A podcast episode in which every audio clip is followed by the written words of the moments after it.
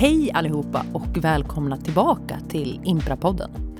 Det här är det femte avsnittet och du lyssnar nu på Sveriges enda podcast om jazz, improvisation och jämställdhet. Imprapodden är en underhållande och informativ podcast om jazz och improvisationsmusik. Vi varvar här politiska samtal med diskussioner om konst och skapande. Och det här avsnittet kommer kretsa kring hur scenen sett ut bakåt i tiden, hur den ser ut idag och hur vi bidrar till förändringen som rör oss framåt. Den här podden drivs av organisationen Impra och belyser aktuella teman och gäster. Hjärtligt välkomna! Hejsan ju! Så fint att ni lyssnar och tar del av detta avsnitt av Imprapodden. Jag som leder dagens program heter Sara Aldén och jag är vice ordförande i Impra och jag är även regionsansvarig för Region Väst. För er som inte vet vad Impra är så är det en ideell förening som jobbar för att främja musiker verksamma inom jazz och improvisationsmusik som identifierar sig som kvinnor, icke-binära och transpersoner. Dagens ämne är scenen då och nu, förändringen som skett. Scenen för jazz och improvisationsmusik har ju historiskt inte sett ut som den ser ut idag utan varit en väldigt mansdominerad plats. Och Anledningen till att den ser annorlunda ut idag är just för att folk har engagerat sig för att skapa förändring. Som aktiv i musiklivet idag är och kan du vara en del av förändringen. Och vi har ju kommit otroligt långt. Det måste man också få stanna till vid och reflektera över. Pausa och klappa sig på axeln och verkligen uppmärksamma att så är det. Det finns ju massa olika sätt att bidra till ett mer jämlikt och jämställt musikliv och ett av dem är pling pling, att bli medlem i Impra. Eh, och vi arbetar ju aktivt för ett mer jämlikt och jämställt musikliv. Eh, men också att du bara lyssnar på den här podden och har hittat den är en fantastisk start. Det är fullgott. Du kan bli medlem i Impra via Impras hemsida. Eh, och där kan du också läsa om hur Impra startades år 2006. Eh, ett hett, hett, hett tips är att lyssna på det allra första avsnittet av Imprapodden, eh, vilket är ett otroligt bra avsnitt med grunderna. Lina Nyberg och Gunilla Törnfeldt som alltså då grundade Impra. Eh, och där beskriver de hur och varför de startade Impra. De beskriver hur föreningen föddes ur tankar och känslor kring hur de såg på jazz-Sverige då och hur de upplevde att scenen var. Enligt statistik från 2018 för hur könsfördelningen på den svenska jazzklubben såg ut då eh, och det här är ju några år sedan nu, men då var statistiken 23% kvinnor och icke-manliga musiker på scenen. Vilket på andra sidan då resulterar i att det var 77% på scenen som identifierade sig som män. Och det här gäller då de 67 jazzklubbarna som hade då lämnat in uppgifter till Svensk Jazz statistiska mätningar för musikåret 2018. Man kan ju tydligt se att det finns en representation av kvinnor och icke-manliga musiker i, i Sverige som långsamt har ökat med åren.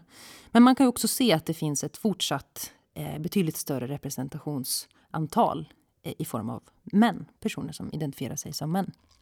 Som det mesta som arbetar för en förändring av någonting så går det att se tydliga tendenser av att om man inte aktivt jobbar framåt så går det oftast bakåt.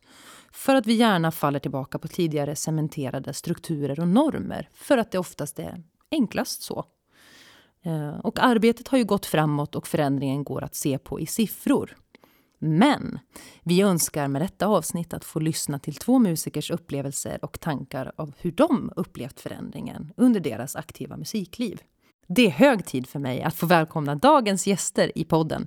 Vi har den stora äran att få presentera gästerna Almas Jebio och Lisa Ulén. Hej och välkomna! Tack! Tack! Hej! Hej! kul, kul på internet. Mm. Jajamän. Vi sitter på länk alltså. Eh, hur är dagsformen? Hur är det med er? Ja, jag tycker att det känns ganska bra. Eh, det är ju speciellt att ha eh, diskussioner på det här sättet i dessa tider. Så jag känner mig väldigt taggad. Kul Lisa! Ja. Hur är det med dig Almas? Det är också bra tack. Det är, ja, det är härligt att, att få kontakt med någon människa i dessa tider. Och jättekul att, att samlas och prata om detta. Det ska bli jättespännande. Fint. Ehm, jag tänker, vi börjar med en presentation av er. Vill ni berätta lite vart ni sitter, och, eh, alltså i Sverige då, eh, och ehm, ja, vilka ni är? Eh, vill du börja Almas? Ja, visst. Jag heter Almas Gebio och jag eh, är musiker och musiklärare. Ehm, jag sitter just nu i Malmö där jag också bor och jag undervisar när jag inte frilansar, vilket jag ju inte alls har gjort i princip det året som har gått nu. Ehm, så undervisar jag också lite på Musikhögskolan i Malmö och jobbar med jazzutbildningen där och eh, undervisar också på eh, Latinskolan som är ett gymnasium som finns här i Malmö. Så ehm, ja, annars när det inte är pandemi så är mitt liv liksom har de där två benen att stå på. Dels undervisning och dels frilansliv med lite olika ensembler. Både som jag leder själv och, och som jag gästar. Och också en hel del körarbete. Liksom jag jobbar med improvisation med körer och sådär. Så lite olika saker som jag sysslar med också inom frilansvärlden. Kul! Och du Lisa, vem är du? Ja, vem är jag? Jag är Lisa Ulén och jag är pianist. Och eh, jag sitter idag i Amanda Ginsbergs eh, studio. För hon skulle vara mig behjälplig med den här inspelningen. Så snällt. Tack Amanda. Just det, shoutout ja. till Amanda. Tack, ja, tack, tack, tack, tack. tack, Och eh, jag är ju bosatt i Stockholm men uppvuxen i eh, Norrland. Och Eh, eh, kom till Sverige när jag var fyra år. Eh, och jobbar i stort sett som frilansmusiker. Jag jobbar också både med grupper och konstnärliga projekt och med andra konstarter.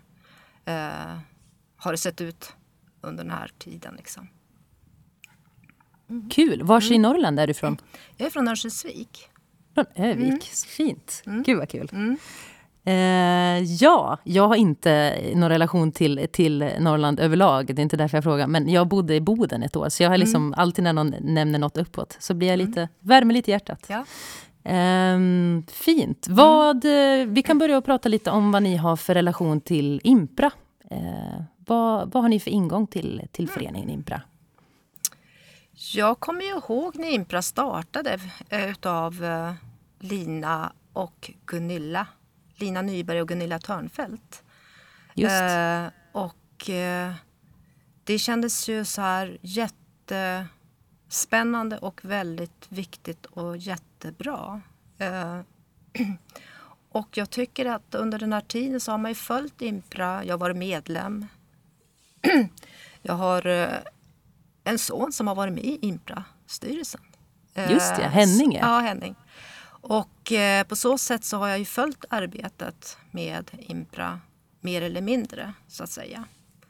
Så att de är en viktig part tycker jag i det kulturpolitiska klimatet. Verkligen. De har gjort förändringar måste mm. jag säga. Mm. Kul! Mm. Vad, vad är din ingång där Almas? Eh, ja, jag har varit medlem i Impra i, i rätt många år. Inte, inte från allra första början tror jag, jag kommer inte riktigt ihåg ens. Men kanske några år in i Impras eh, tidiga liv liksom, så kom jag med som medlem. Och jobbade så småningom också i styrelsen i några år och var faktiskt ordförande i ett par år också i, eh, i Impras styrelse. Um, så ja, jag har liksom både varit väldigt nära det och, väl, och har haft en väldigt nära relation med Impra och jobbat mycket för Impra. Och sen liksom haft tider när jag har sålt lite mer, eller stått lite mer liksom vid sidan om och, och hejat på. Just. Eh, tack! Ehm, med tanke på eh, det här avsnittet då, så eh, vi ville att vi skulle gå in i 2021. Nu är vi visserligen i mars, må hända. Men ändå starten av året. Att få liksom en, en pepp av att dels se hur långt vi har kommit med, med arbetet med, mot en jämställd och jämlik musikscen. Eh, men vi vill också titta lite närmare på arbetet och motstånden som funnits genom åren för att också veta hur vi ska kunna jobba vidare framåt. Eh, med det i åtanke så kan vi börja gå in på temat scenen då och nu, förändringen som skett. Eh, vad var er första tanke när ni hörde temat för det här avsnittet vi tre ska ha tillsammans? Ja, jag, om jag börjar så kan jag säga att jag, att jag blev lite tom i huvudet på något sätt. Att, eh, att, att jag hade svårt att sålla minnen med drömmar eh, eller minnen från drömmar och önskemål. Mm. Det, blev, det blev verkligen först alldeles tomt och sen ett, ett väldigt stort eh, sammelsurium. Men eh, ju mer jag har tänkt på det desto mer känner jag att detta är ju ett, ett samtal som, som behöver föras konstant. Liksom. Eh, var är vi nu? Eh, var var vi förut? Ser det likadant ut på alla ställen? Ser det likadant ut för alla människor? Ser det, alltså, det finns så många bilder, liksom, beroende vem det är som pratar och vem det är som, som funderar. Och att eh, samtalet verkligen eh, behöver hållas levande, tänker jag. Mm. Ja, men precis. Uh, jag kan väl också tänka det att det... Jag tänkte gisses, uh, hur länge sedan är det här tillbaka? tänker man, att man har varit med så länge. Rutinerade kallas det. Ja, precis. Eh, och det är... Jag kan tänka liksom utifrån det här perspektivet att jag är uppvuxen på 70-talet. Eh, där det fanns en liksom... Det var ett... Alltså hela den politiska klimatet som var i samhället påverkar ju också hur det såg ut på scenen och eh, liksom i, i, i i vad det var för musik och det var väldigt mycket progg som jag eh, eh var, fick lyssna till. Och jag kan säga bara liksom jag tänkte aldrig på scenen när jag var så liten eller så ung på det sättet. Men det var ju alltid killarna som spelade. Det kommer jag ihåg att jag tänkte på. Mm. Mm. Eh, och jag ville ju också spela. Eh, och sådär. Eh, mm. Och eh, det är väl det jag har tänkt på. Att den, det har förändrats lite grann men det är ändå det går ganska myrsteg fram och myrsteg bak kan jag tänka. Och att det är ju mycket att vi pratar om representation liksom på scenen. Men det ju, mm. finns ju också massa andra komplexa strukturer som man inte riktigt får fram i i just om man tänker representation endast. Och det är ju jätteviktigt också såklart. Men hur vi Verkligen. bedömer och vad vi ser med hur jazzen utvecklas. Utvecklas den på ett annat sätt inom vissa liksom, områden? Eller? Och eh, sådana saker har jag tänkt mycket på när, det, mm. när frågan ställdes ifrån dig. Just, det är jättestora frågor. Mm. Det är det, det, och det är mm. det som blir så himla komplext att det kanske inte... Eh, det är så enkelt att eh, som människa också söka ett svar. Och det är väl det som alltid blir liksom krokbenet när man kommer till kanske institutioner och eh, lärosäten och liknande när det kommer till att skapa jämlikhet och jämställdhet. Att man vill ha en mall för att skapa en, en, en jämlik och jämställd situation. Men att det, det är ju i princip omöjligt för att som du säger Lisa mm. så är ju alla liksom olika. Precis, mm. och, ja men precis. Det är exakt det jag ville liksom lite komma åt. Att det mm. behöver inte alltid vara antingen eller heller. Allt, alltså det är ju inte svart och vitt allting. Nej, um, ingen quick fix. Nej, och det är, det är väl det som fix. är. Och uh, man måste kunna liksom ha parallella tankar och samtal på gång hela tiden, mm. tror jag. Exakt. Eh, jag tänker på mm, en fråga som jag direkt började tänka på. Eh, dels som du började prata nu, Lisa, mm. men också innan. Att jag, jag undrade lite det som du var inne på, hur scenen eh, hur ni upplevde scenen när ni började musicera. När började ni musicera och hur såg det ut för er?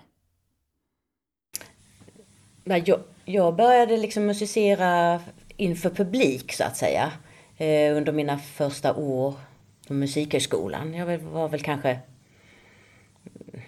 22, 21, 22, någonting sånt där. Mm. Um, och, och, det, och det lustiga är att när jag tänker tillbaka så, så, så, så funderade jag aldrig över de här sakerna. Det, det var så som det såg ut var liksom eh, det naturliga på något sätt. Ja men precis. Mm. Eh, men jag spelade ju då med, med, med både kvinnor och män i band så att säga. Så, så jag var i och för sig med om, om det redan då men, men jag, jag tänkte liksom aldrig på hur det... Jag lärde mig liksom navigera i den värld som, som var på något sätt. Mm. Jag, um, och jag sjunger och jag, det var ju väldigt ofta så att det var att jag sjöng och, och alla som spelade instrument var män. Um, så som liksom omgivningen förväntade sig att det skulle se ut. Mm. Um, men att jag också kände att... Va, va, uh, ja, det, är, usch, ja, det är svårt att, att, förklara. Man går, in i, man går in i en förväntad roll, man går in i, en, i ett arbetslag eh, som man, som man ju har fått lära sig hela sitt liv att det, att det ser ut så som jag eh, vad ska man säga, uppfyller det eller så. Och ändå känner man att det är något som, som, eh, som fjättrar en. Eller som, som ställer liksom gränser som inte jag har ställt dit för en. Att det finns vissa områden som är tillåtna för mig, men andra är det inte. Liksom. Både musikaliskt och, och vem, vem jag tilltalade, vem som tilltalade mig runt omkring själva musiken och sådär. Och vad de i så fall talade med mig om, till skillnad från mina manliga kollegor och sådär. Så det, var, det växte på mig efterhand i mitt arbetsliv. Att jag, att jag... Och jag fattade inte ens då vad det var som var felet egentligen. Jag bara kände mig eh, förminskad. Just det där, eh, jag kan bara flika in, jag tycker det, det är så intressant det du säger Almas, för att jag, eh, jag själv är utbildad genusvetare också. Och där pratar man också mycket om, just som du säger, att man kommer in i, i rum och känner att, man, att rummet ställer krav på en. Att på hur man ska vara, hur man ska agera, hur man ska eh, perform i det här rummet. Liksom. Och att det, jag tycker bara att det är så intressant att du eh, belyser att det fanns när du började din eh, karriär, ditt musik musikliv, men att också det, det handlar ju om kanske hur man gör jazz. Att, att jazz är ju kanske inte bara att uh, sjunga och spela och göra liksom tradition, utan det är allt från hur man räknar in mm.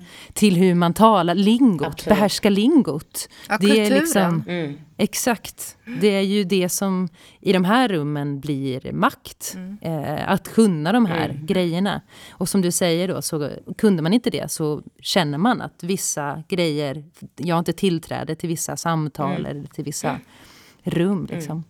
Eh, vad tänker du Lisa om hur du upplevde scenen när du började musicera? Eh, jag känner väl, jag kan väl liksom inflika där eh, Almas pratade om där med eh, att man tänkte inte så himla mycket. Eh, om jag går tillbaka ännu längre tillbaka än runt, runt när man är 14-15 så är man uppvuxen i en jätteliten stad som Örnsköldsvik är, ganska torftig stad, Eh, så hade, hade jag ju liksom, jag fick spela väldigt mycket i och med att det var, det var så lite där. och jag sjöng i kör, jag hade, eh, vi hade ett band, vi hade ett källarbandsprojekt med eh, ett proggband som heter Ramaskri. Och det var... Eh, nice. Ja, eh, det var lite sådär popkollo.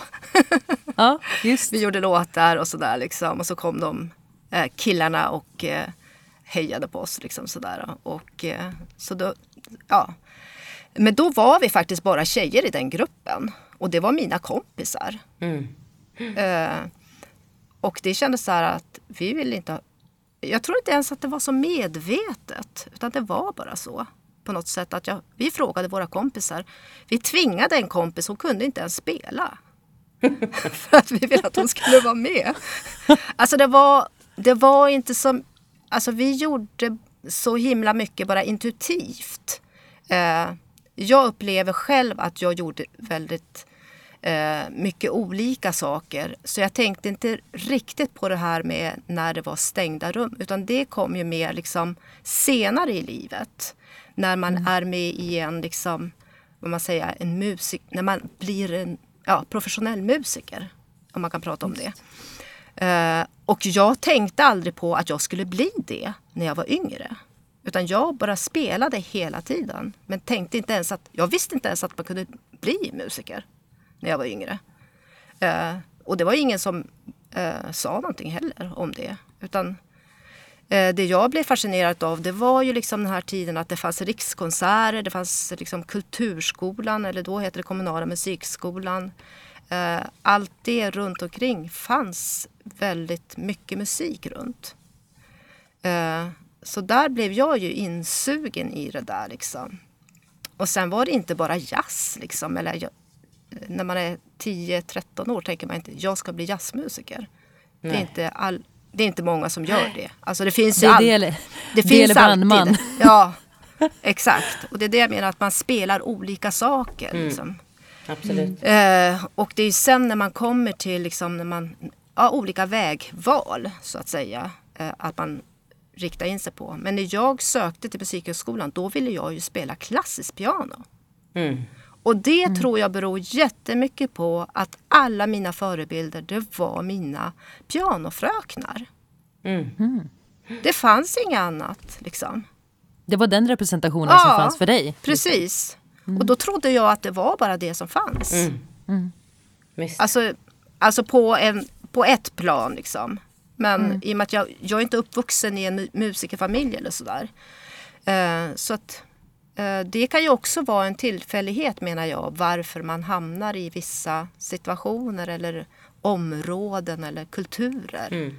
För att man inte vet bättre. eller så. Exakt. Hur upplever ni att scenen har ändrats genom åren? Vad tänker ni om det? Jag tycker nog att det har förändrats en del. Jag tycker att det har blivit, i alla fall i Sverige, nu pratar vi om Sverige. Mm. Eh, så tycker jag väl att samtalen, frågorna har parallellt med liksom den politiska liksom medvetenheten om, om olika grupper i samhället som, där eh, orättvisor finns har belysts mer i dessa dagar. Eh, som jag tycker var, är mycket mer än när jag växte upp, måste jag säga. Mm. Okej. Och då är det inte bara jämställdhet jag tänker på, utan det finns ju massa andra områden. Men om, om vi tänker på just eh, eh, jämställdhet så tycker jag att det har förändrats och det har blivit en, en annan påtryckning. Just. Absolut. Jag håller helt med. Men med det sagt så är det ju inte färdigt, Nej. skulle jag vilja säga. Med stora verkligen. pekfingret här. Ja. Pekfingret på nätet. Ja. Ja. men verkligen. Vad, vad tänker du Ja, jag håller helt med. Samma tankar? Ja, jag håller med om att det är många saker som, som eh, många saker som har förändrats. Eh, Och det är de här sakerna som Lisa pratar om. En ökad medvetenhet, eh, att även det politiska livet, eller politiken i sig och politiska beslut är mera uppmärksamma på de här frågorna. Ehm, musiken i sig, om vi nu eh, rör oss i någonting som kallas jazz och improvisationsmusik, Eh, så, så, så har, det, har de begreppen också stretchats på mer. Det fanns ju en tid på 70-talet när de där begreppen också var stretchade på. Men sen så tog det ju 30 år av liksom bakåt. Eller åtminstone inte åtminstone så var det mycket av den stretchen som liksom blev oelastisk och fastnade. Men det har liksom också musiken nu tycker jag tar sig många, många fler uttryck. Jag tror att det som hände med internet och det ska man nog inte underskatta liksom. Att man helt plötsligt som, som tioåring här vid pianot i Örnsköldsvik kan lyssna på en eh, eh, 21-åring i Japan eller i, på Indonesien eller i Frankrike. Alltså det är ju inte oviktigt liksom. Det öppnar ju upp Nej. våra möjligheter till, till att höra andra saker, till att inspireras av nya saker och sådär.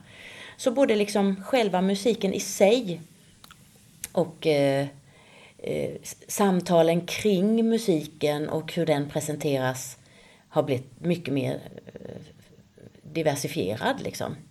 Ehm, ehm,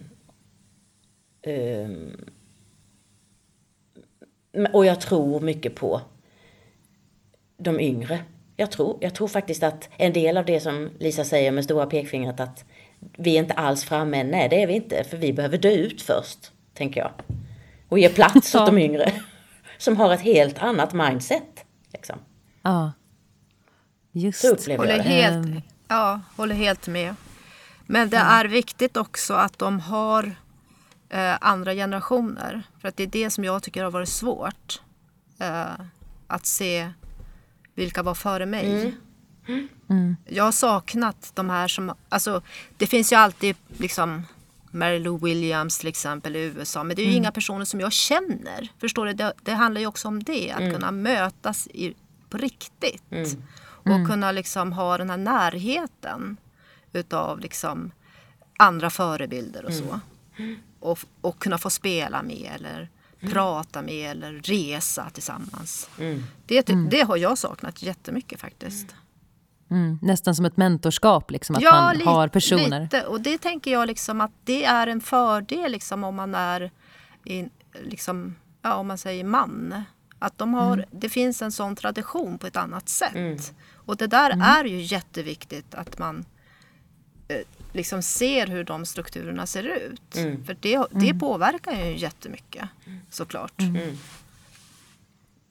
Det tar mig vidare till eh, nästa fråga som, eh, där jag undrar lite om ni har sett några tydliga liksom, fallbacks eller sådär, motstånd i hur eh, under ert eh, yrkesverksamma musikliv. Att ni, som du var inne på Almas, att så här, det var några 30 år där då det bara sa slurp och så var det liksom ingen som arbetade för det.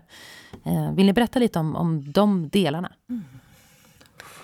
Eh, ja, när jag säger så, så så tänker jag mest på att eh, i slutet på 80, från mitten på 80-talet och fram genom hela 90-talet, åtminstone med mina ögon sett, eh, så, så var musiklivet så väldigt präglat av samma saker som, som fanns i samhället runt oss, nämligen eh, pengar. Liksom. Någon slags Ja. bygge, och då prat, om vi stannar i Sverige, någon slags bygge bort ifrån det gemensamma, liksom eh, samhällstanken om, om det som skulle vara för alla. Ehm, och tillgång till allt för alla, på gott och ont. Till, till eh, snabba cash, till, eh, till eh, det, som, det som är kommersiellt gångbart. Och det är så många värden i, i den musik som vi håller på med som kanske inte i första hand är så kommersiellt gångbart. Liksom. Och som någon behöver Just. värna och vårda. Liksom, och ta hand om för att det ska växa och frodas. Och i, en, i ett samhälle där, där liksom ögonen riktades så mycket, fokus riktades så mycket mot, mot liksom tjäna pengar, ehm, eh, privatisera, sådär, bestäm själv. Så, så, så var det ju mycket av, av det som eh, vår musik står för som liksom fick stryka på foten upplever jag. Ehm, Otroligt viktigt Ja. ju, att du- det, du, det du säger. Det är ju verkligen, eh, där blir det också en otrolig eh, liksom, motsatsen till mångfald.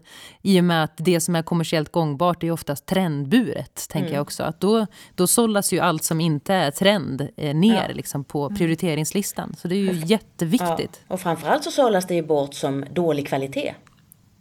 Just. Man blandar ihop kvalitetsbegreppet. Eh, Liksom, eller konstnärlig höjd med, med kassako. Liksom. Just. Men Vad tänker upp- du där, Lisa? Nej, men jag bara undrar, tänkte eh, bara haka på där. Tänker du liksom, Almas, att det där är, det är ju någonting som vi har fått le- fortsätta att leva med? Känner du så? Ja, eh, det har vi ju gjort. Eh, men jag tycker kanske att eh, eh, frågorna har, har ändå liksom seglat upp till ytan på ett sätt som gör att vi inte kan eh, låta bli dem. Nu när vi har kommit in i 2000-talet. Liksom, Att det är ett annat, andra saker som funderas över nu. Ehm, Även om vi fortfarande lever i högsta grad med det där ehm, som handlar om eh, kommersialism. Liksom. Men, eh, men de här frågorna har ändå fått flyta upp. Liksom.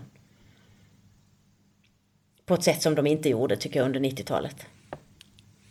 Nej, men 90-talet var ju ett svårt år och eh, tänker jag också.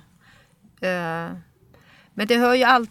Jag tänker så här under liksom olika perioder så görs, har det gjorts vissa saker just för att främja kanske eh, jazzmusiker som är kvinnor.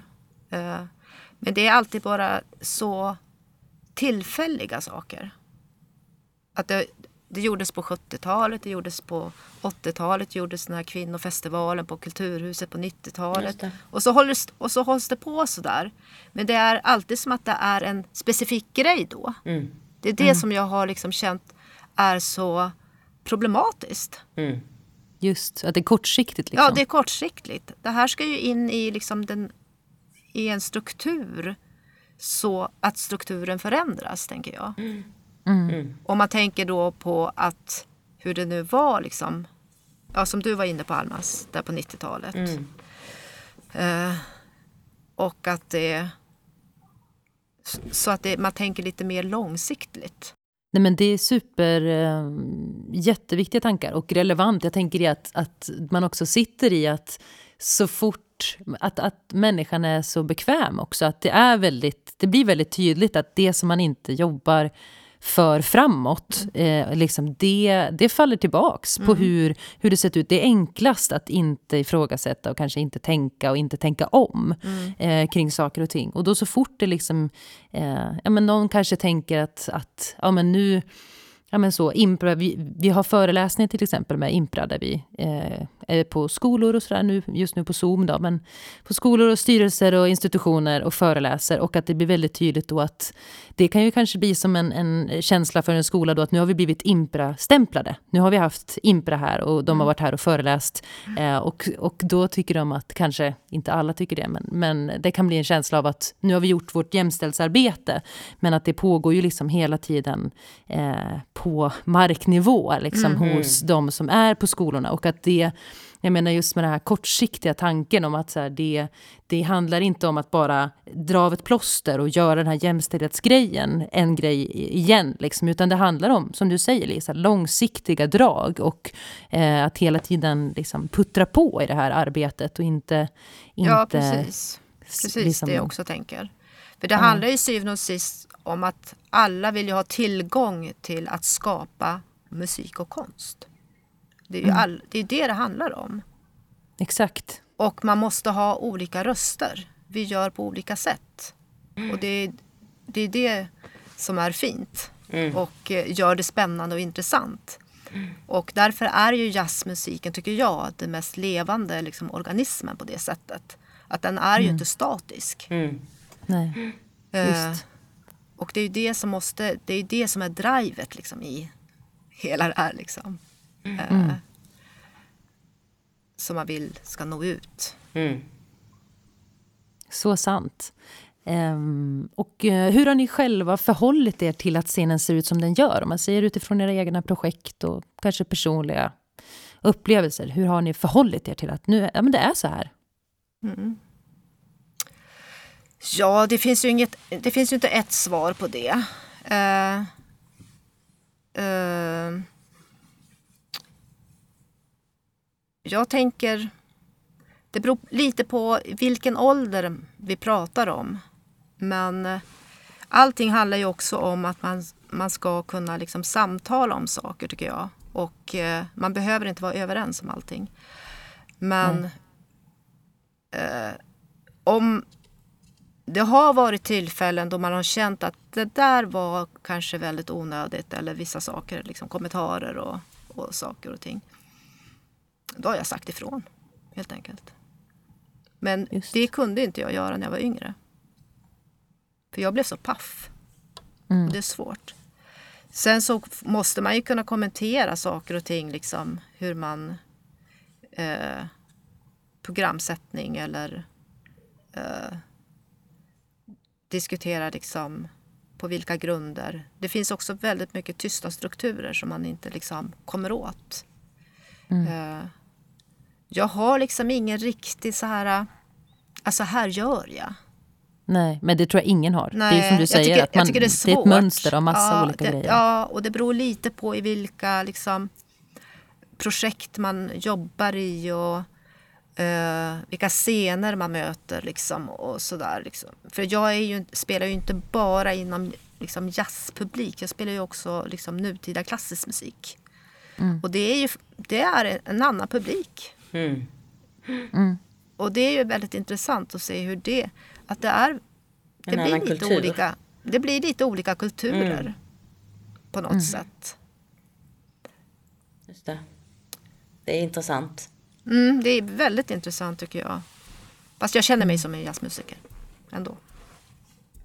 Ja, jag tycker att den frågan är jättesvår att besvara faktiskt, hur jag har förhållit mig till det. Jag håller med om Lisa att man har känt sig eh, att det är olika över tid helt enkelt. Olika i vilken ålder man själv befinner sig men också olika hur mycket erfarenhet man har liksom. Och falla tillbaks på, skulle jag tro. Ja. Men eh, jag, jag, jag, har nog ofta känt att om jag slipper eh, deala med det här, om, det slipper, om jag slipper att det är liksom en, eh, någonting som, som dyker upp i mitt huvud Eh, mm. som en som ett, som ett, eh, ett störande moment så är jag liksom mm. glad. Det betyder att jag inte har behövt lägga någon energi, energi på det. Ungefär. Att man har liksom duckat. Mm, mm, mm. och så varit jätteglad och man har duckat för alla bollar. Liksom, så man slipper ta dem. Så det tror jag är, är, min, har varit min vanligaste strategi genom livet. Liksom. Och jag som, som har ett annat namn än än de allra flesta i Sveriges land och eh, inte riktigt ser ut som om jag är född här och sådär. Jag har ju också varit så glad om, om det bara handlar om att jag är den enda tjejen i bandet och inte också varifrån jag kommer. Liksom. Då har, jag, har det känts som en seger att jag slipper, att jag bara behöver spela på en arena och inte på två samma kväll. Men det där kan jag känna igen mig i, Almas.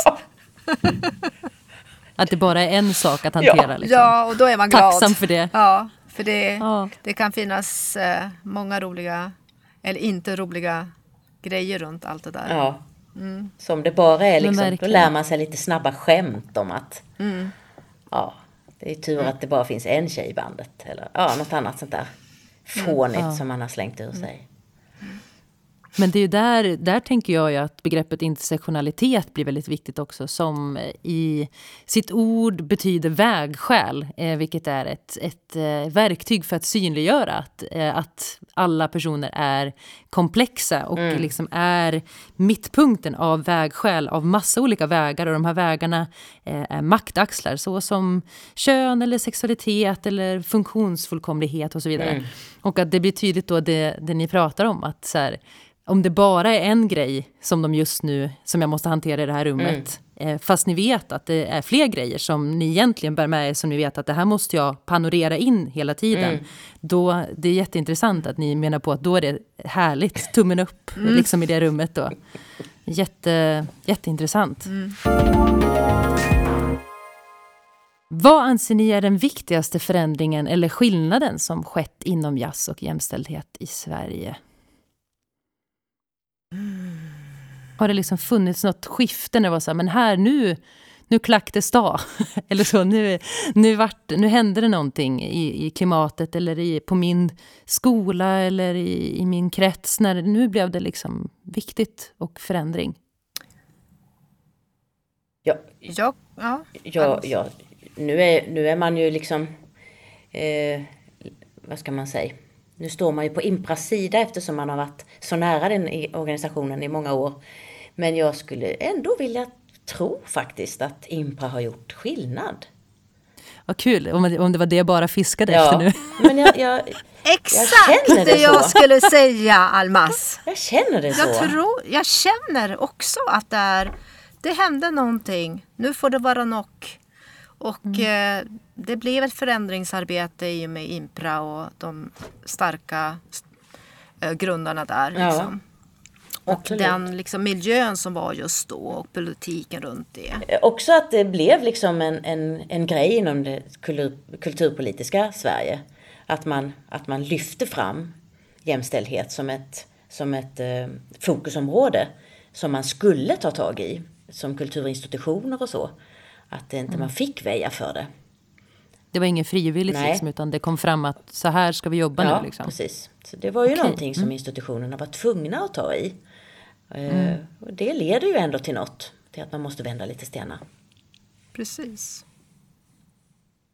Verkligen. Mm. Jag tänker det som du säger också med att ja, men när, när du började Almas till exempel då när du var 21 där, att så här, då, man tänkte inte på det. Eller så det var inte samma samma hype under citationstecken kring det. Men det är ju då som du säger, då var det väl liksom att det inte fanns några liksom, påtryckningar om det, inga krav ovanifrån ur ett politiskt perspektiv och då, då finns det ju heller inte. Nej. Precis som många andra strukturella normer också existerar fast att de inte är belysta och inte problematiserade av gemene person i samhället. Liksom. Det är superintressant. Jag tänkte på en helt annan grej. Eh, och det var ju när jag då växte upp i Norrland.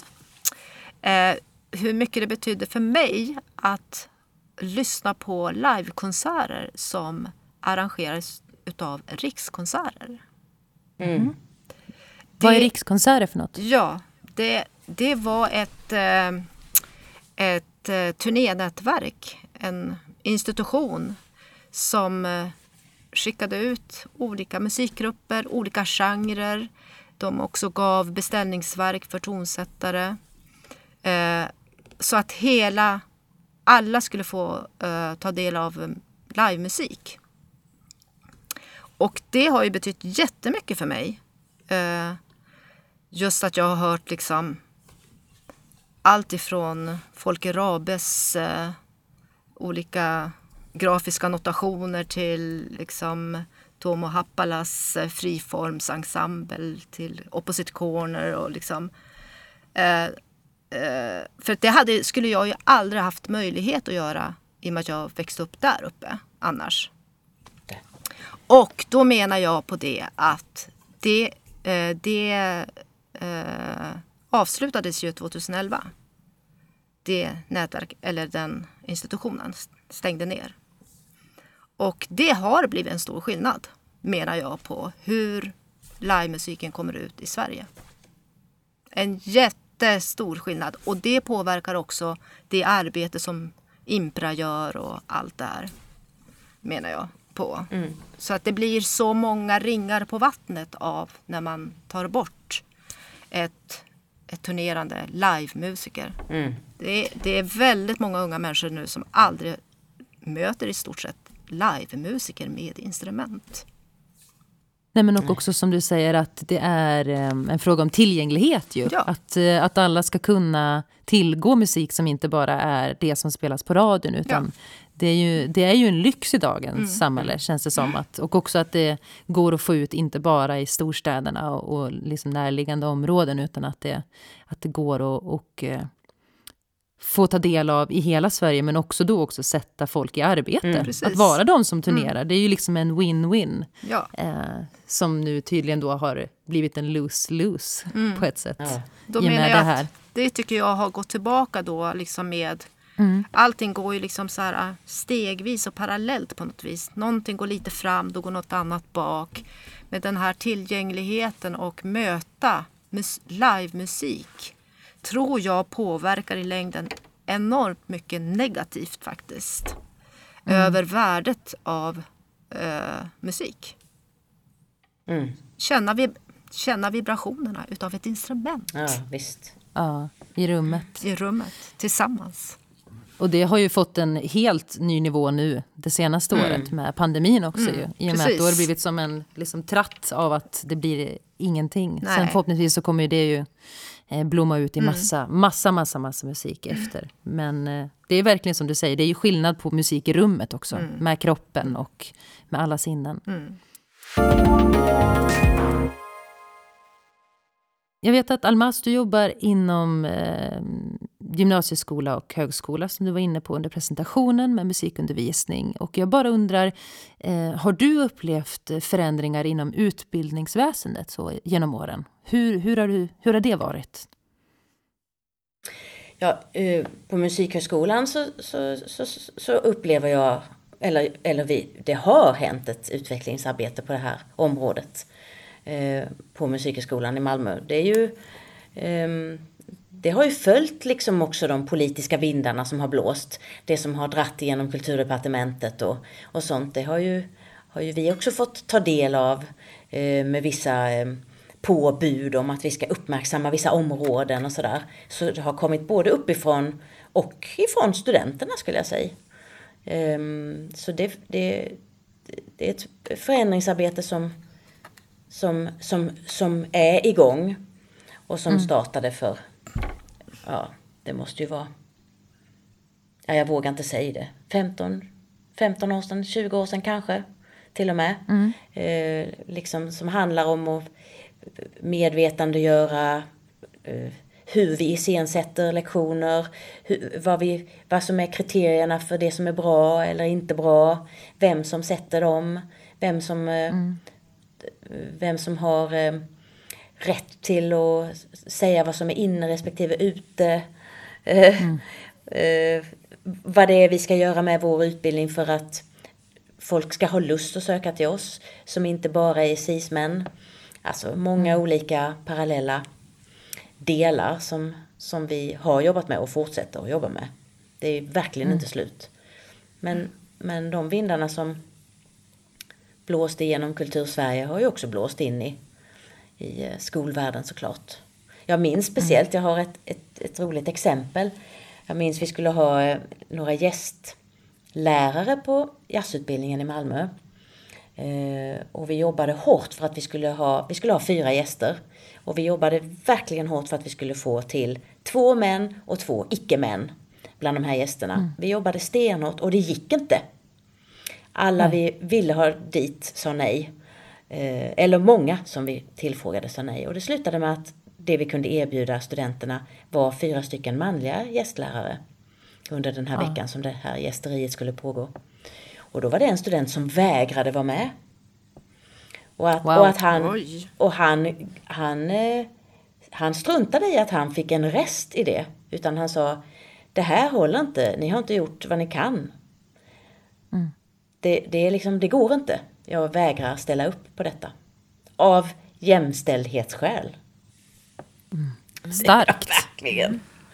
Jag tänker också som du sa Lisa, att, så här, att just vara den som vågar säga ifrån ja. och vågar stå på en, en, plats där man säger att det här, nu lirar det här inte med vad som står Nej. i till exempel skolpolicyn, eller, för det låter ju oftast väldigt bra ja. när man läser där och det är likabehandlingsplaner och Nej, allt vad det är. Det, det är ju jobbigt när det blir dålig stämning. Mm. Mm. Det är ju det. It's a part of life. Mm. Men, men hur, hur eh, fungerar det då för, för er? Liksom? Hur tog ni... Uh, med, med, med den där studenten. Med just det här exemplet. Mm, ja. Vi kunde faktiskt inte göra så mycket. Vi, vi, i, I det läget just då mm. så kunde vi inte göra någonting. För att, alltså han, han fick en rest. Och han fick göra det året efter. Liksom. Mm. Och, och, vi wow. kunde inte möta upp honom. Det var enormt pinsamt alltså. Mm. Mm. Men nyttigt. Du kände, ändå att, ja, du kände ändå att man liksom förstod honom på något ja. sätt. I, i det oh, där, liksom. ja. Verkligen. Mm. Mm. Det där är ju vara en bra ally, tänker jag mm. också. Alltså en allierad. Mm. Att stå som, som man i det här fallet, då, jag förstod att den här personen var, och säga att nej men det här Även fast det kanske inte är någonting som direkt gynnar den personens eh, där och då. Men att, att konstatera det, att nej men här, här går min gräns ja. för vad som är okej. Okay. Ja. Det är ju mm. häftigt också att stå då så, liksom, som i institutionen och konstatera att vad gör ja. vi här? Liksom. Som du säger, ja, men nu får vi liksom gå vidare på ett annat sätt. Mm. Ja, det är verkligen studenterna tycker jag, i många, många liksom, eh, korsningar sådär, stötestenar som, som har som har drivit på oss, drivit på skolledningen, som har sett till mm. att förändringar kommer på plats. Absolut. Och det är det jag tycker låter så himla bra, att de har också någon som tar emot dem då. Mm. mm. Det, att det tar vägen ja, någonstans. Ja, det tar vägen liksom. någonstans. För att det, mm. när man är i den åldern och man är student, då har man ju alltid massa idéer. Men det kanske inte landar någonstans. Nej. Liksom. Mm. Good. Good, good. Mm. Tack så jättemycket. Gud vad ni eh, har klokskaper. Jag eh, blir så himla inspirerad. Och eh, ja, jag, bara, jag bara njuter av att höra era svar. Det är verkligen... Det är som en present till mig på kvällskvisten här. Men hörni, Detsamma. jag... jag Detsamma. ja, ja, ja. ja. Men eh, jag är ju jättenyfiken på er. Jag vet, jag har ju lyssnat på er båda och, och tycker att ni är hur, hur coola som helst. Men jag eh, vill gärna att ni berättar lite om kanske era projekt eh, för våra lyssnare. Eh, om ni har något projekt ni jobbar med nu eller om ni har något projekt som ni känner att ni vill berätta lite om, som ni har gjort. Ska jag börja? Ja, ja det får du gärna visa. Alltså, alltså jag, just nu så känner jag så här, vad gör jag just nu? Jag sitter mest och mejlar liksom. Eh, mm. och ställer in och ställer om och eh, skjuter fram. Eh, men jag kan berätta att jag har jobbat med ett, ett projekt som heter Reading Music. Som är mm. jättespännande.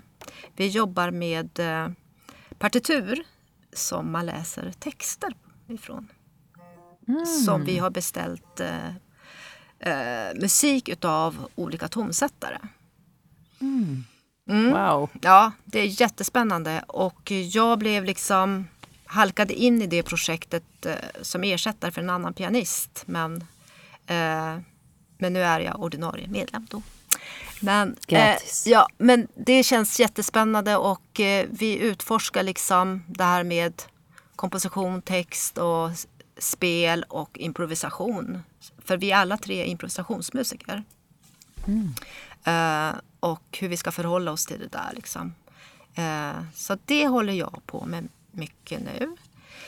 Dessutom så, alltså jag har ju ganska många, som frilansare så har man ganska många olika ben, eller vad heter det, fötter, mm. för att klara sig.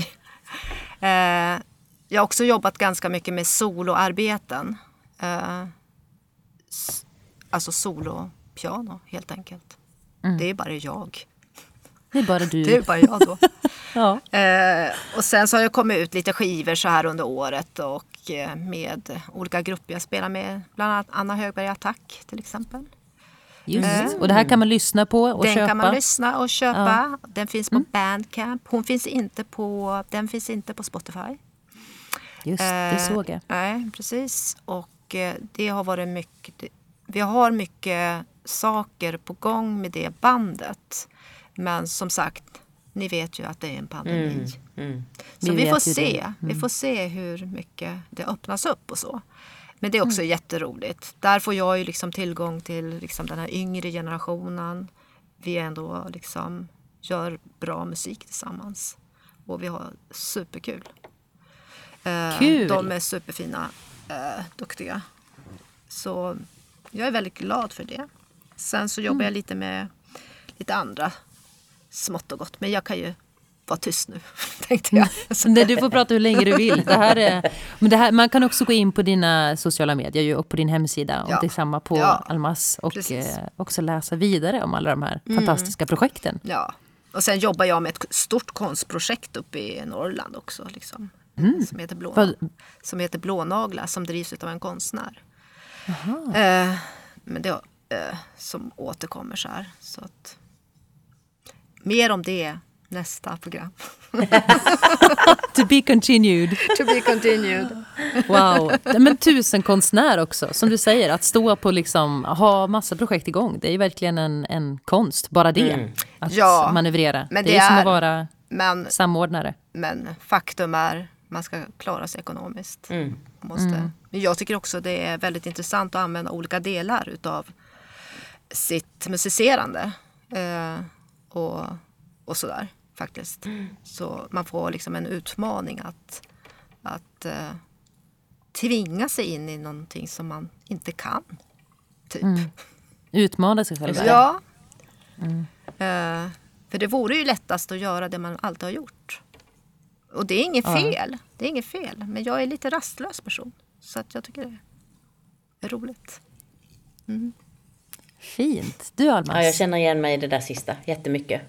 Jag tycker också det är roligt att, att spänna bågen och, och roligt att och, och kasta mig ut i samarbeten som jag inte riktigt vet vad det ska leda till eller så. Jag, jag övar just nu en del och prövar lite olika slags repertoar med två, med tre andra sångare. Um, och det vet jag inte ens om det, det kommer att bli någonting som vi tycker eh, att vi vill framföra för folk. Liksom. Men då testar vi jättemycket olika slags material och vi, vi skriver arrangemang och vi testar eh, lägen, var de olika rösterna ska ligga och eh, hur mycket kan man improvisera, hur mycket vill vi improvisera och hur mycket ska vara skrivet och så här väldigt förutsättningslöst. Med, med människor som jag aldrig förr har, har sjungit Kul. med. Liksom. Ja, det där det är, är så spännande.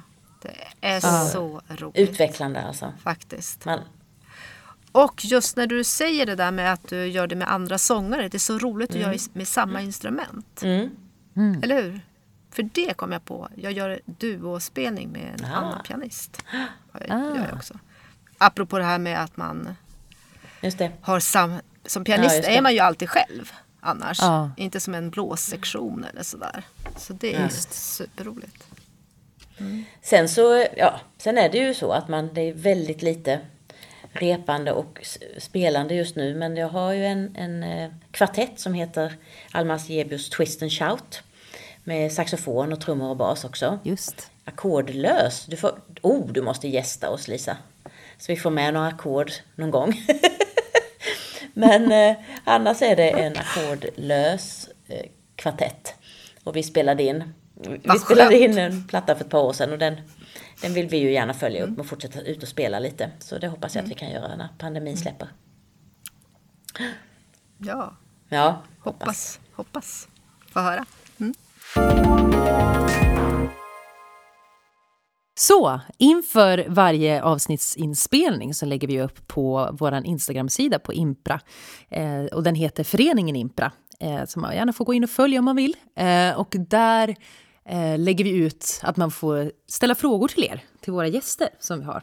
Och den här veckan, eller inte veckan, men den här avsnittet så har vi fått in en, en lyssnarfråga där den lyder som följer. Hur uppfattar ni att jazzscenen förändrats i Sverige i relation till andra länder? skiljer sig förändringarna mycket när man jämför Sverige internationellt. Till exempel då synen på vilken jazz som är välkommen som jazz eh, och som synen på jämställdhet och jazzkonsumtion etc. Liksom. Men jag tänker i Europa så upplever jag att det är... Off, där fattas det fortfarande väldigt mycket representation. Mm. Utav mm. band helt enkelt. Är det liksom eh, homogent? Det är väldigt homogent. Eh, mm. Och det är också... Eh, det, det, är lite farligt att bara liksom dra alla länder över en kam kan jag känna. Men mm. det finns vissa länder som har fortfarande väldigt traditionell syn på vad, hur det ska se ut och vad det är för jazz. Och man kan se hela promotionmaterialet ser på likadant ut, och, kan jag tycka. Liksom. Mm. Eh, men det är ju en personlig åsikt. Ja, men det, det tror jag faktiskt är det lyssnaren frågar efter. Ja. Hen frågar, hur uppfattar ni att jazzscenen förändras? Ja. Så det är ju din egen mm. uppfattning. Eh, så, det, så upplever jag det faktiskt. Och att mm. det är fortfarande... Eh, det är svårt också för många. Jag upplever att det är många eh, kvinnliga musiker om, eh, som jag träffar. De har oftast inte familj okay. eh, eller barn. Utan, jag säger of, ofta, det finns ju såklart. Men där är mm. det också en sån, då kan man ju se liksom, vad beror det på? Hur ser samhället ut för att stötta liksom, en kvinna som ska ut och arbeta? Eh, mm. Och det har man ju tänkt på liksom, ur ett jämställdhetsperspektiv. Liksom, att man har startat dag, förskolor och sånt i Sverige. Liksom, för att alla mm. ska, båda könen ska kunna arbeta till exempel. Och mm. det det känner jag är lite eftersatt i andra länder. Förstår du vad jag menar? Intressant. Ja, hundra procent. Mm. Jag har aldrig tänkt på det perspektivet. Det är klart att liksom, vårdinstanser som, i form mm. av förskolemöjligheter liksom, möjligheter spelar roll för om man kan vara frilansande musiker mm. ja, eller inte. Och vilka kan vara det då? Liksom? Ja, exakt. Eh, och, eh, och det är ju en stor del av hur det ser ut också då, menar jag, på, på scenen och representationen och, och eh, vem som får vistas där. Just. Det spelar verkligen in. Mm. Intressant. Mm. Vad, vad tänker du där Almas? Ja, jag skulle säga att det där är en av de största anledningarna till att eh, eh, för jag håller med om att bilden på många håll i Europa är lite annorlunda än, den i Norden. Eh, när det gäller variationsrikedom musikaliskt och också variation på scenen av alla möjliga slag. Och, och att det, det kommer ner till en sån eh, enkel sak som är mm. otroligt avgörande, nämligen hur klarar man sin försörjning? Liksom. Finns det inte eh, dagar att ta ut mammaledighet, ja då, då liksom, utan att man går tillbaka till det jobb som ger en bröd på bordet, då kan man inte satsa på någonting som heter frilans. Liksom. Det går inte. Så det, det är liksom verkligen sådär um, um, helt avgörande med den ekonomiska situationen och den ser ju mm. jätteannorlunda ut i många andra länder i Europa. Mm. Och också på skolfronten. Om jag som undervisar mm. på högskola, vi har ju nätverk med andra högskolor runt om i Europa som också har jazzutbildningar och sådär. Det är mm. också, många av de här frågorna, det, de finns inte ens, alltså inte ens på ritbordet liksom. I, i nyheter när vi pratar om det. Oj, jaha jämställdhet, varför det? Liksom. Ja. Söker, det, söker det inga tjejer så är det väl för att de inte finns. Typ. Alltså, Just. Det, jag, säger, jag, jag, vill verkligen inte säga att så låter det överallt i Europa, för det stämmer inte heller. Men eh, vi har kommit längre på många fronter än uh, i de här frågorna än i många länder runt om i Europa. Mm. Och det handlar inte bara om hur vi jobbar inom vår musiksfär utan om hur det politiska livet ser ut och hur samhället är uppbyggt. Liksom.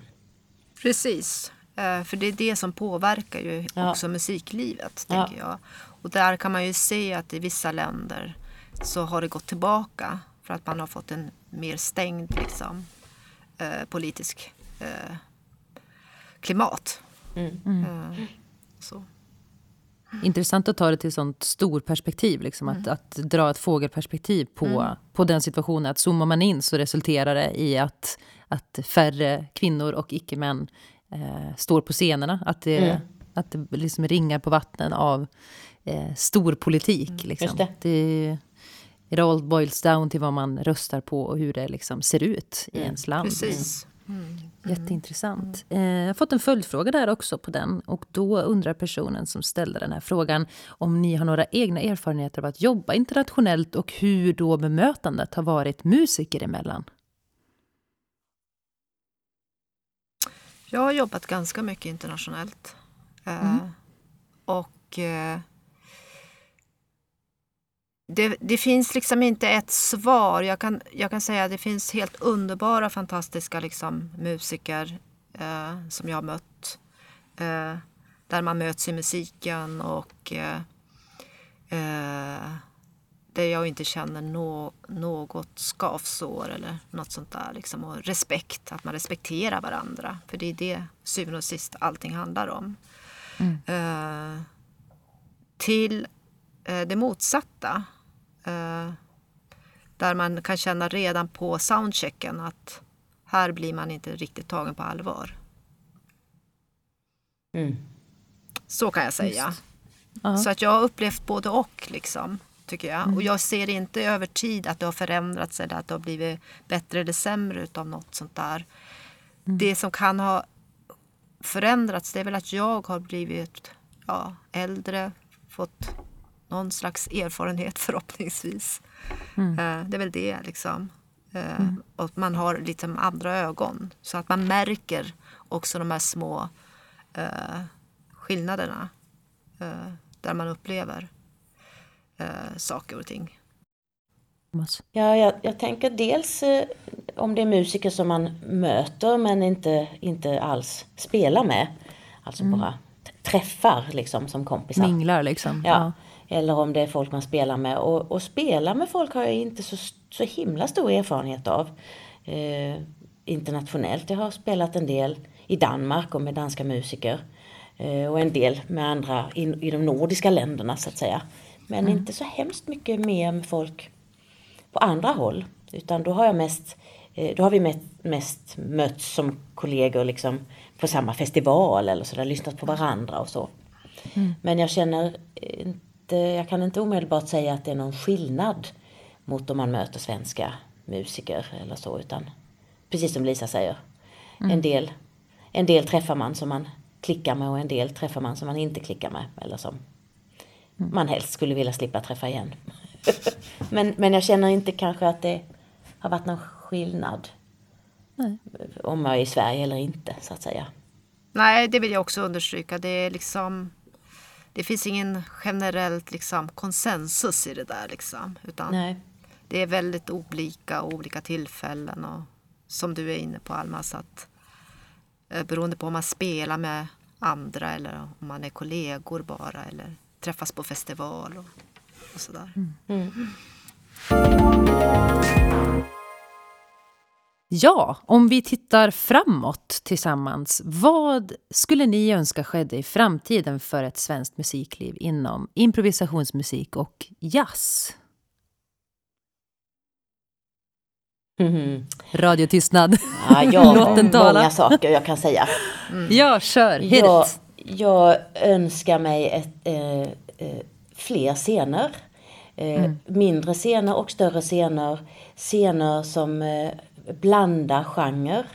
Eh, att man skulle få höra improvisationsmusik ena kvällen på en scen och en eh, stråkkvartett som spelar Schumann nästa kväll och eh, en, en popduo en tredje kväll. Mm. Jag önskar mig färre barriärer mellan genrerna och större nyfikenhet. Mm. Framförallt med de offentliga medlen. Mm. Um, mer turnéverksamhet också med offentliga medel, precis som Lisa pratade om. Vikten mm. av det Rikskonserter gjorde.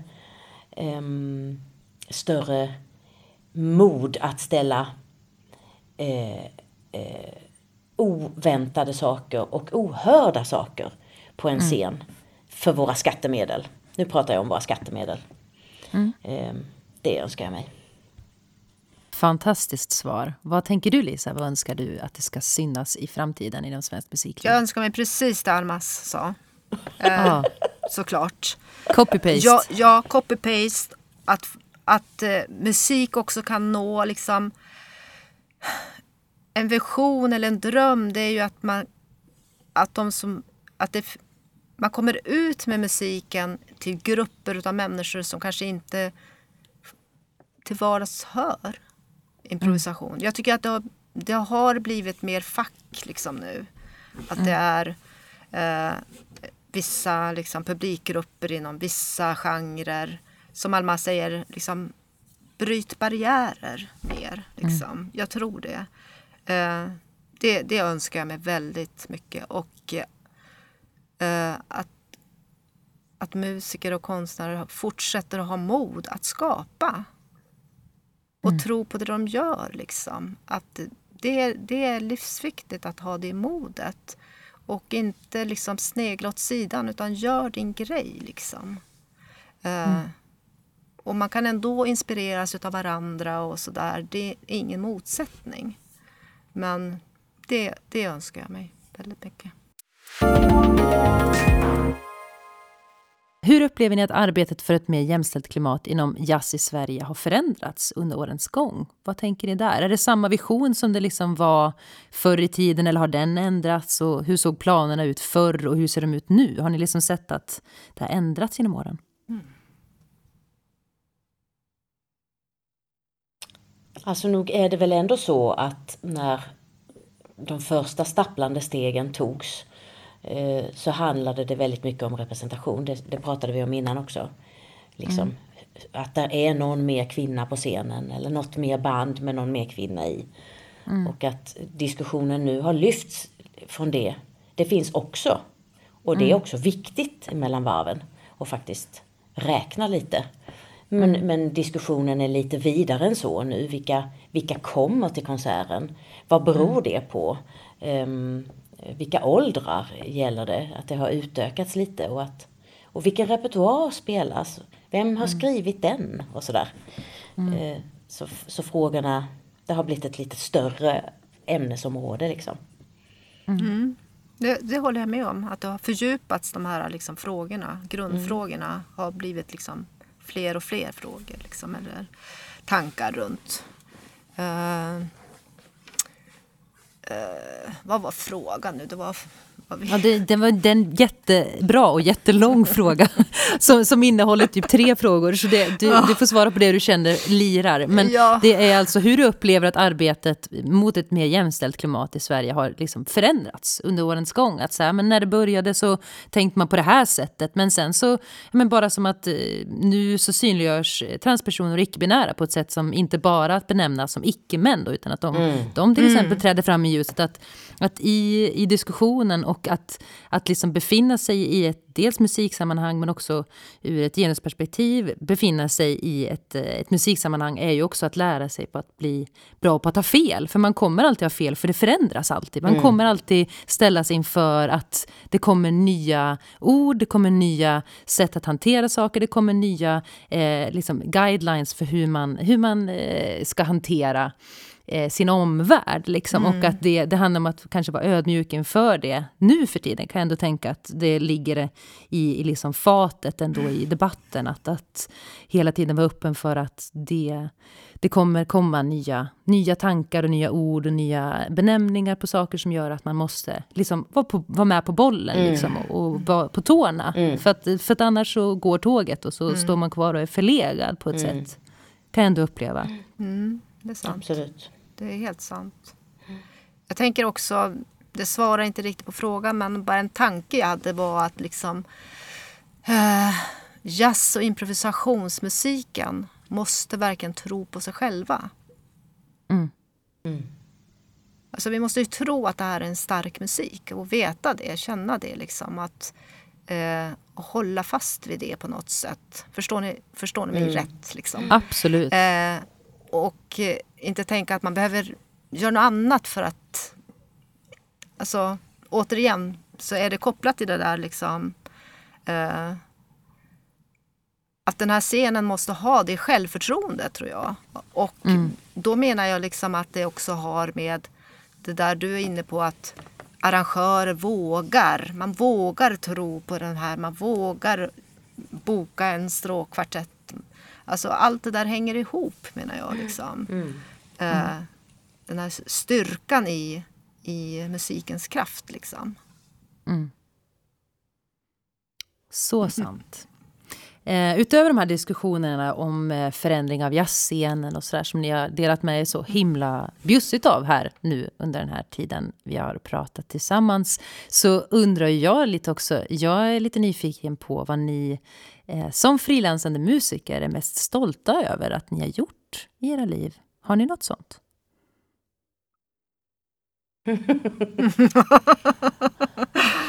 Eh, jag är ju liksom alltid lite så här självkritisk. Liksom, eh, så jag brukar inte tänka så mycket på det. eh, Nej.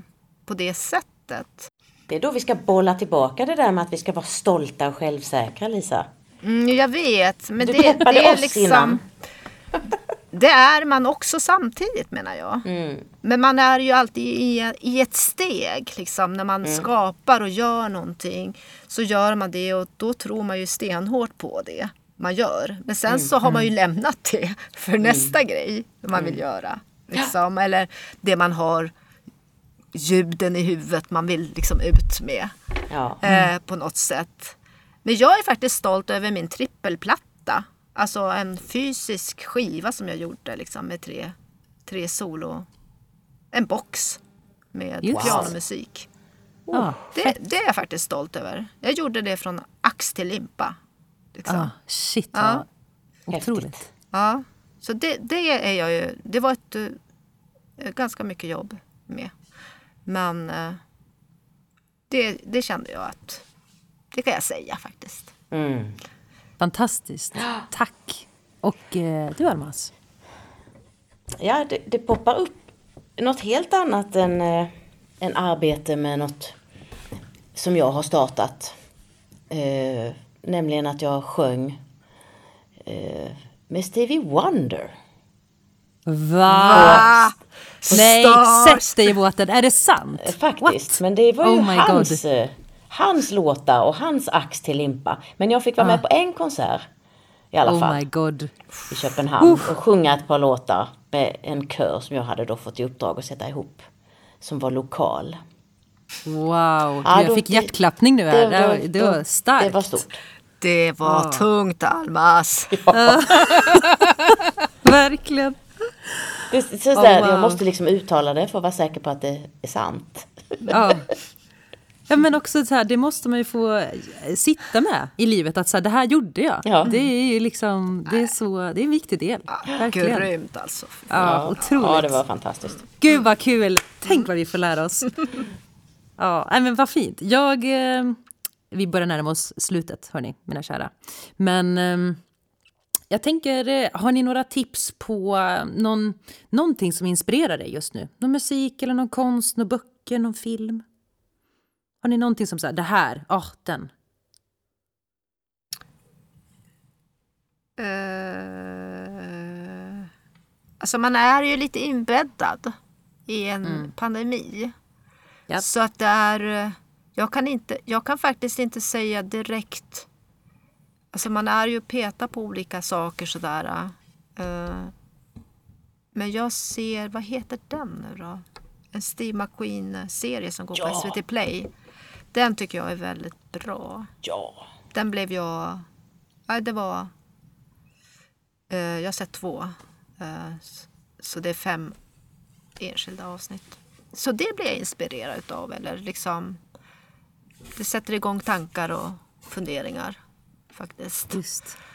Som indirekt också påverkar allt. Just ja, Small Axe. Ja, Exakt. precis. Jag har också börjat kolla på den. Jag satt precis och bara, jag, jag ska erkänna att jag googlar.